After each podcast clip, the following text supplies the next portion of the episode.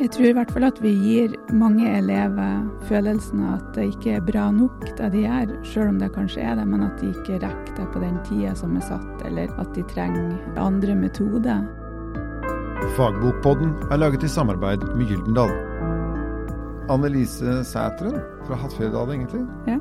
har skrevet en bok som heter 'Læreren i møte med elever med stille atferd'. Ja. Og da tenkte jeg at vi har jo alle egentlig hatt stille elever i klassen når vi gikk på skolen. Ja. Men jeg måtte ha tittelen på boka di for å huske de stille elevene. ja, jeg tror ikke det er så uvanlig, og det, og det er kanskje en av grunnene til at jeg hadde lyst til å se på det her, det at de, de blir jo ikke glemt. Det tror jeg ikke. Jeg tror at lærerne har veldig god oversikt over klassene og vet godt hvem som er de stille. Men i alt som skjer i et klasserom, så forsvinner de litt. Ja, for Er det noe av naturligheten av stillhet? At, at, at, stille mennesker vil nødvendigvis ikke sette preg på rommet like mye som de som lager lyd og syns mer? Ja, de synes i hvert fall ikke så godt, og deres initiativ vil jo ikke bli tatt eller mottatt på samme måte som noen som uttaler det verbalt. Og jeg tror, jeg tror at de voksne i et klasserom, og om det er lærere eller assistenter eller andre faggrupper som er inne, så har de god oversikt over de. Men jeg tror at faren er at for de andre elevene så forsvinner de litt etter hvert.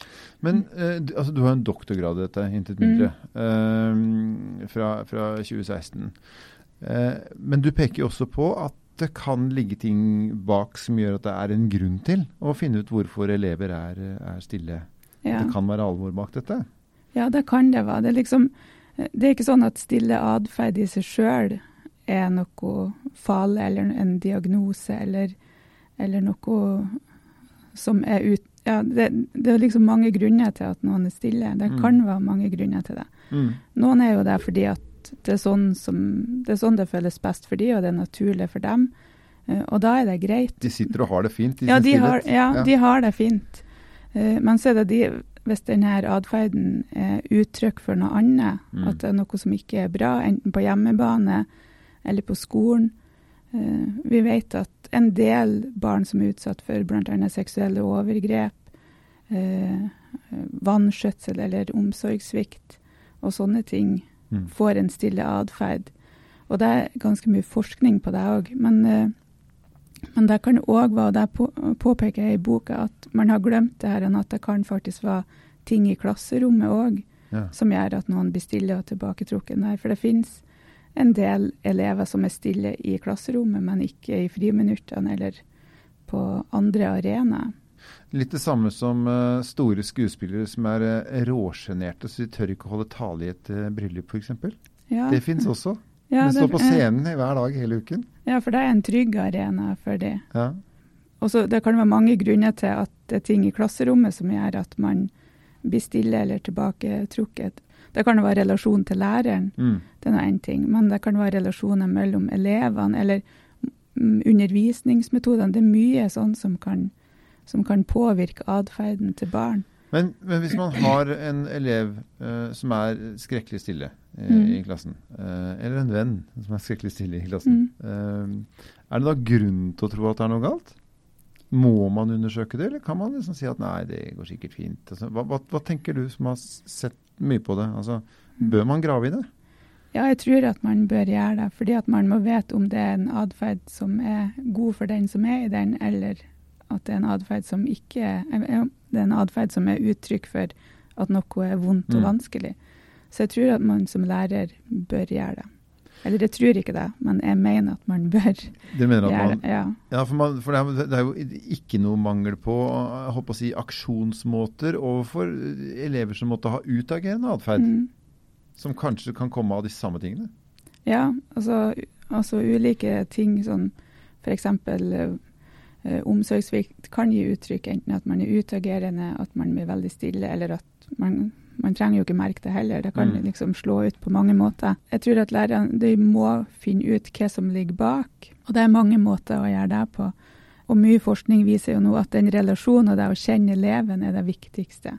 Eh, Og da finner du ut ganske mye, og du kan fort se på en elev om de har det godt eller ikke, sjøl om de er stille. For de kommuniserer ganske mye ut, sjøl om de ikke snakker så mye. Mm. De har jo man sier jo gjerne at kroppsspråk er over 90% av kommunikasjon. Og, og det, her, det har jeg jo skrevet om i boka, det her med øyekontakt. Man kan få mye informasjon om elever med å ha øyekontakt med de jevnlig og over litt lengre tid. Så man kan mm. se etter ting uten mm. at man på en måte behøver å misforstå meg rett, men altså å synliggjøre en slags mistanke om at her er det noe feil. For det må jo mm. være vanskelig for lærere å liksom skulle ta det ansvaret og prøve å finne ut av ting, samtidig som man ikke skal forutsette at det ligger noe gærent bak her.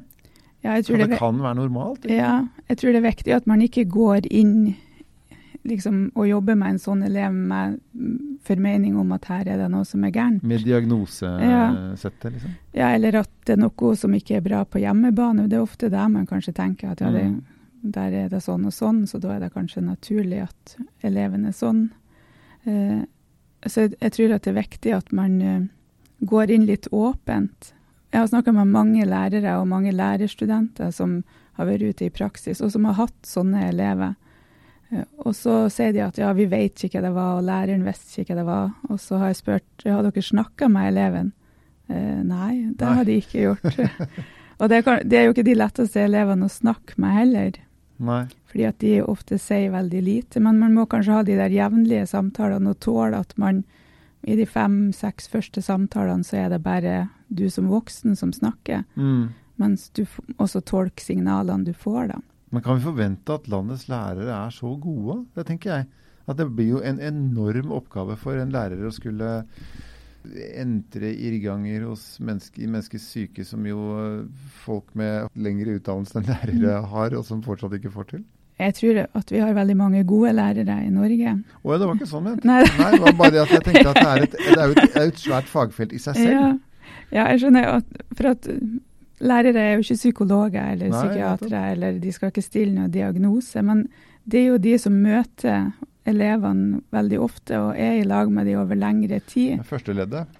Ja, og da tenker jeg at de har en unik sjanse til å finne ut. Og mm. hvis de har de her gode relasjonene, så vil jo eh, elevene stole på dem. Og kanskje er den de for, læreren den første de sier det til hvis det er ting som ikke er greit jeg blir jo sånn, Nå, jeg, nå ble jeg bare sånn, papp, sånn pappainteressert. ikke sant? Mm. Jeg sitter og snakker med læreren. Det har jeg gjort før i mm. foreldresamtaler og sånn.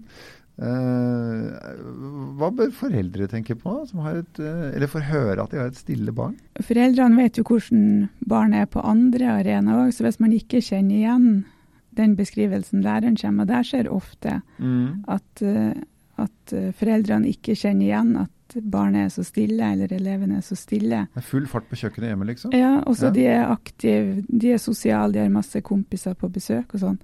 Og da tror jeg at man bør Man må stoppe litt opp og tenke hva kan det være som er grunnen til det her.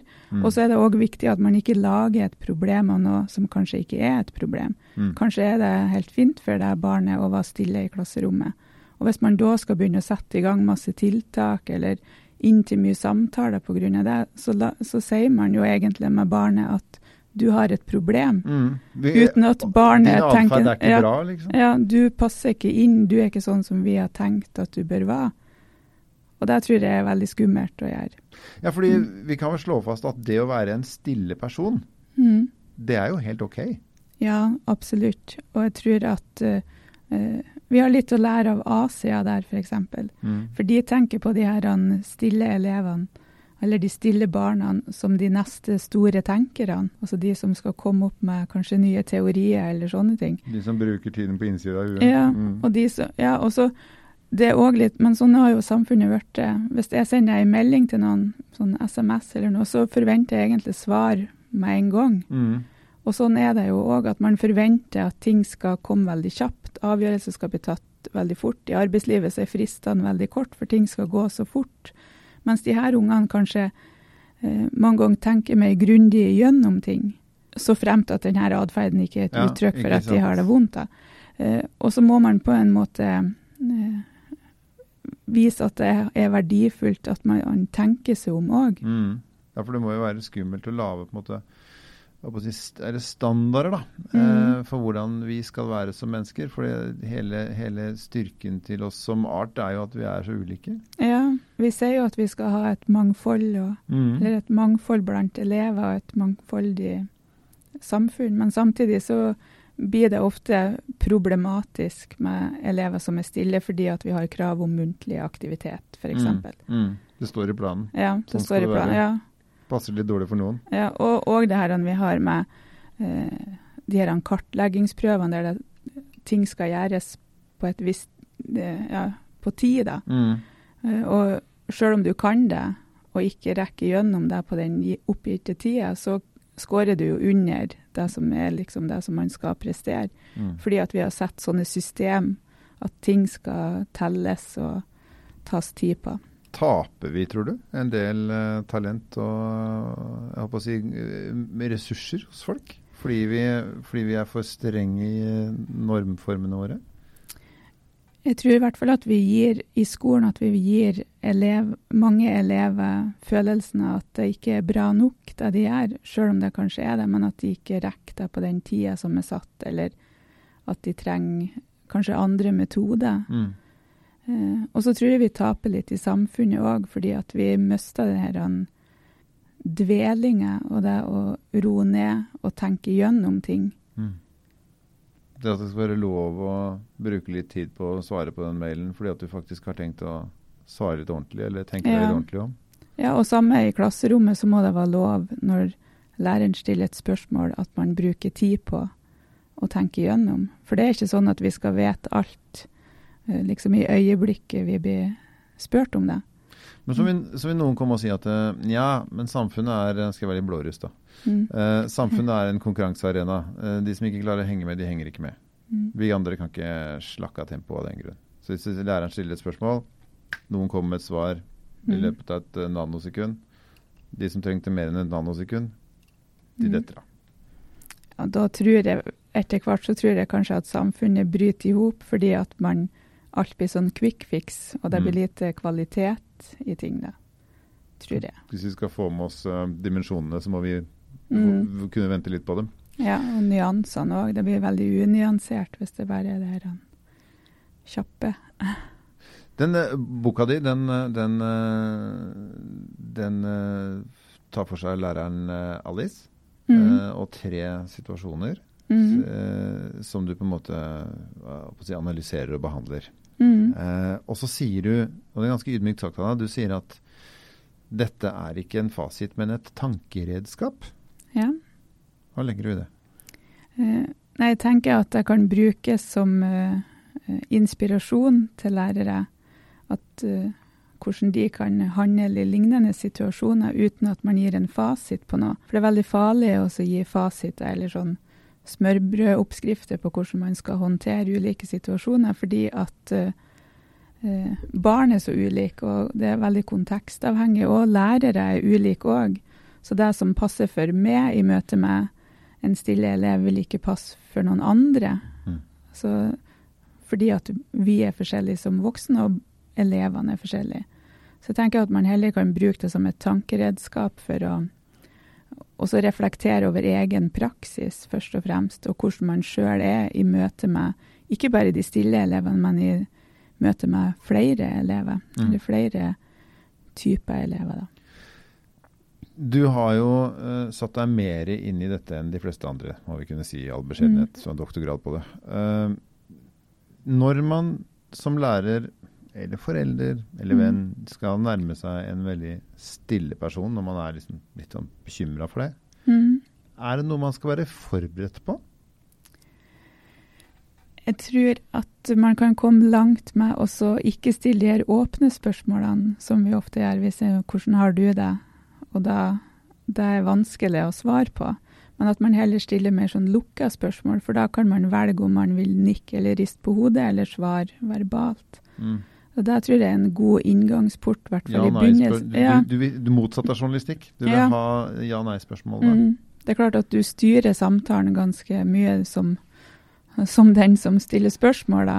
Men du ser, vil jo òg se hvis det er ting som ikke treffer dem, eller er er ukomfortabelt, eller noe sånt. Og man stiller jo ikke spørsmål om følelser som lukka spørsmål, men det er mer som, eh, som eh, Alice gjør i, i, den ene situasjonen der i boka. Så, så spør hun hva var bursdagen i går gøy, og så mm. nikker Sara. Og så eh, var det mye kaker, så nikker jeg sånn Og da føler jeg, eh, i hvert fall sånn som jeg oppfatta den situasjonen, så følte Sara at hun òg var med i en dialog. Og, og det var hun jo òg, fordi at man kan være med i en dialog på mange måter. Men hvis hun, Alice hadde stilt spørsmålene åpent, så hadde jo ikke Sara mestra og svart på de. Og da hadde det jo vært en nederlagsfølelse for Sara, tror Mm. jeg. Som, Sara som er den stille jenta Ja, ja. jeg. Så hun Mm. hadde opplevd da å møte en type spørsmål hun ikke håndterte å svare mm. på, kontra da å svare det andre kanskje ville si var veldig knepent, mm. men dog et svar. Ja. Ja. Så du snakker egentlig om å legge lista for kommunikasjonen, altså tilbakemeldingene, lavt. ja. Så lukket spørsmål, det er altså type ja-nei-spørsmål. Typen. Du ja. kan nikke og riste på huet. Mm. Ja. Andre ting som, eh, som kan ligge i stille atferd, og som man kanskje Du vet på en måte ikke hva som ligger der. Mm. Og så er det som du sier, du bør som lærer da, adressere det. Du bør gjøre noe med det. Mm. Og så kan det være ingenting. Mm. Kan bare være en person som er stille. Når kan man liksom på en måte vinke faren over og tenke at ja, ja, dette er en person som bare liker å sitte med sine egne tanker? At de elevene i hvert fall som jeg har møtt som er stille og som syns det er helt greit, de sier jo det sjøl. At nei, det, det er greit. Jeg har ikke lyst til å si noe i klassen, f.eks. Mm. Eh, og- men så er det jo òg sånn at du som lærer kan ha en elev over mange år uten at du finner ut hva som er bakgrunnen for det. Mm. Og det tror jeg man må være forberedt på òg, at man kommer ikke til bunns i hva som er grunnen for det. Men likevel så må man jo gjøre noe sånn at eh, den eleven har det godt på skolen når de er der, uavhengig av hva som er bakenforliggende årsak til atferden. Og så er det kanskje sånn at selv om ikke du kommer til bunns i atferden, Mm. så holder du i hvert fall døren åpen for at eleven kan snakke med deg, Ja. hvis det skulle være noe. Ja, og da tror jeg det er veldig viktig at man skaper den der den trygge relasjonen, sånn at eleven føler at de kan komme til det som lærer, hvis de føler at man har lyst til å snakke om ting som skjer hjemme, eller ting som skjer på skoleveien, eller ting i klasserommet. Takk skal du ha, Annelise Sæteren, som altså har skrevet eh, boken 'Læreren i møte med elever med stille atferd'. Sjøl takk. Takk for at du lånte øre til Fagbokpodden, som er laget i samarbeid med Gyldendal.